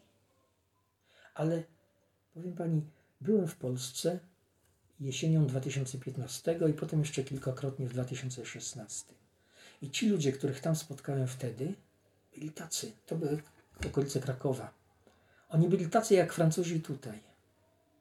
Oni byli pogodni, oni się uśmiechali i nawet mieli trochę coś, wie, coś więcej. Mianowicie Francuz, jak wchodzę do sklepu i się sprzedawca uśmiecha, to ja wiem, że to jest uśmiech służbowy. On jest miły, ale służbowy. Jak wchodziłem do polskiego sklepu, to on się też uśmiechał, ale w tym oprócz uprzejmości była jeszcze pewna taka godność. To było, nie wiem, to może nie jest dobre słowo, ale było coś takiego, co nie ujmowało mu wartości, a dodawało jej również mnie. Czułem się świetnie. Ale znowu, to są te rzeczy, które, które tutaj również są. Naprawdę, jedyna bariera, jaka jest, to jest językowa, ale ja ją przekroczyłem już dawno. Nie wiem, czy jest drugi kraj, gdzie Polak może się czuć tak bardzo u siebie, jak we Francji. Może we Włoszech. Oni lubią podobno wszystkich. Pani się uśmiecha, nieprawda? Nie wiem. Mam koleżankę, z którą e, chodziłyśmy razem do liceum i która właśnie y, y, we Włoszech mieszkała, za Włocha wyszła i, i z owym Włochem pojechała do Szwajcarii, mm. bo stwierdziła, że we Włoszech mimo wszystko to obcych nie lubią. A w Szwajcarii lubią. A w Szwajcarii... Może ona lubi, jak ma wbrew. Nie wiem. No Uczymy się całe życie. Uczymy się całe życie. Ale w każdym razie ona, ona to jej, jej historia jest taka, że łatwiej się odnalazła w Szwajcarii. Ja we Włoszech byłam tylko jako turystka, ale prawdą jest, że mm, i w Rzymie, więc nie wiem, czy to jakiś pogląd mogę mieć na Włochy. Nie, jak, pa, jak Francuzi w Paryżu. Francuzi w Paryżu. Ale nie powiem, żeby mi się nie podobało, ale trudno sobie wytworzyć jakąkolwiek pojęcie o, o danym mieście, jeśli tam jest parę dni i tylko latając wokół zabytków. I to jest stolica w dodatku, Dokładnie. gdzie co czwarty jest Włochem, a reszta to przyjezdni. Dokładnie. To rzeczywiście. Panie Krzysztofie, w okolicy ma Pan piękną mimo wszystko. Do A tej... tak, a tak. Ja y, kiedyś y, znowu, ponieważ to z Facebooka się znamy głównie, no i o, z powodu Ariny też, ale tak, bliski kontakt z Facebooka. Kiedyś tutaj miałem taki pomysł na Facebooku właśnie, że y, przez, y, nie wiem, parę miesięcy niemal codziennie robiłem ciągle to samo zdjęcie z mostu Pont Neuf w stronę Montagne Noire i tych zdjęć było tak z 50 i każde było diametralnie różne. No bo góry są niedaleko, co prawda to nie są jeszcze Pireneje, Pireneje stąd nie widać, ale, ale są. I niebo zmienia się dosłownie co 15 minut. Można tam stać na tym moście i fotografować i zrobić album, który nie będzie zanudzał ani przez chwilę. To, co widzę tutaj z okna, to taki sam album mogę zrobić. No, może rzeczywiście nie chcę, nie chcę przesadzać, a więc nie zamieszczam tego tak codziennie, ale to, co widzę z okna, a to jest normalne, tak? No, widok mam na północny zachód. No cóż, dom tu jest ciekawy naprzeciwko, no ale to, co się dzieje na niebie. Poza tym nie trzeba daleko chodzić. Pani zna troszeczkę tej okolicy? Jest miasteczko Biurlac. Wspaniałe, to jak makieta średniowiecznego miasta. Jest granitowa kraina Sidobr. Są miejscowości w drugą stronę, te takie ze starymi zamkami, Montmiral, yy, Pucelcy, Saint-Antonin de Nobleval, yy, Corse-sur-Ciel i wiele, i wiele innych i tak można wymieniać i wymieniać. Rzut beretem mam tu Carcassonne, a bliżej jest e, taka miejscowość, wioska. A właśnie tutaj e, widać, że miewam również braki w pamięci, luki w pamięci. Wioska, której specjalnością jest książka. Mhm. E, to jest od Carcassonne, jak stąd patrzeć, to na prawo i trochę bliżej. Byliśmy tam kiedyś. No, jakbym do komputera, to bym zaraz sobie przypomniał, albo sobie i tak przypomnę, ale już będzie za późno. No więc tutaj można tak ciągle naokoło i zawsze wszędzie jest coś ciekawego. W ogóle Francja jest taka, że można tu chodzić i chodzić. A jak się człowiekowi znudzi, to jeszcze jest Hiszpania, jeszcze są północne Włochy. Może w drugą stronę po Francji Dordogne. Nie wiem, to, to jest kraj Wie pani, jestem spod Sandomierza. Zawsze się tak jakoś utarło, że to perła taka, że w całym na swoim świecie nie ma niczego równie pięknego jak Sandomierz. To jest piękne miasto i to jest miasto, które mam w sercu cały czas, bo to, pani, jak się człowiek rodzi, to się rodzi w jakimś konkretnym miejscu i potem tak kręgami poznaje świat. Te kręgi się rozszerzają. Gdzieś tam już z pierwszego swojego kręgu, zaraz po urodzeniu, na, na horyzoncie widziałem taką piękną koronę.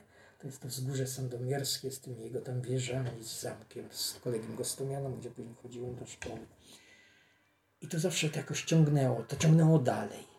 Jeśli coś takiego jest na horyzoncie, to co jest za horyzontem, idziemy dalej. Potem był Kraków, potem, potem und morgen die ganze Welt. Ale więc ten Sandomierz jest dla mnie bardzo ważny i cenny. Ale jak teraz słyszę coś takiego, że perła architektury y, europejskiej Sandomierz, no nie, nic. Tu w każdej wsi można znaleźć takie same perełki i starsze i to jest kochane, bo to jest moje, bo to, jest, bo to noszę w sercu. Ale postawmy rzeczy na, z najproporcją na. A Francję można zwiedzać codziennie i cały dzień i życie nie wystarczy. Dziękuję Panie Krzysztofie.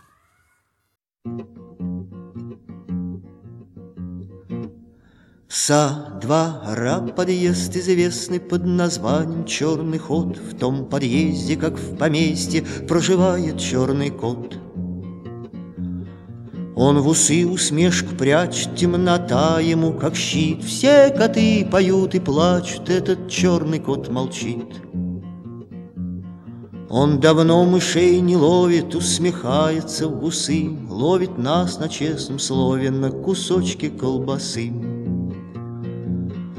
Он не требует, не просит, желтый глаз его горит, Каждый сам ему выносит и спасибо говорит. Он и звука не проронит, только ест и только пьет, Грязный пол когтями тронет, как по горлу поскребет. От того-то знать не весел дом, в котором мы живем, Надо б лампочку повесить денег все не соберем.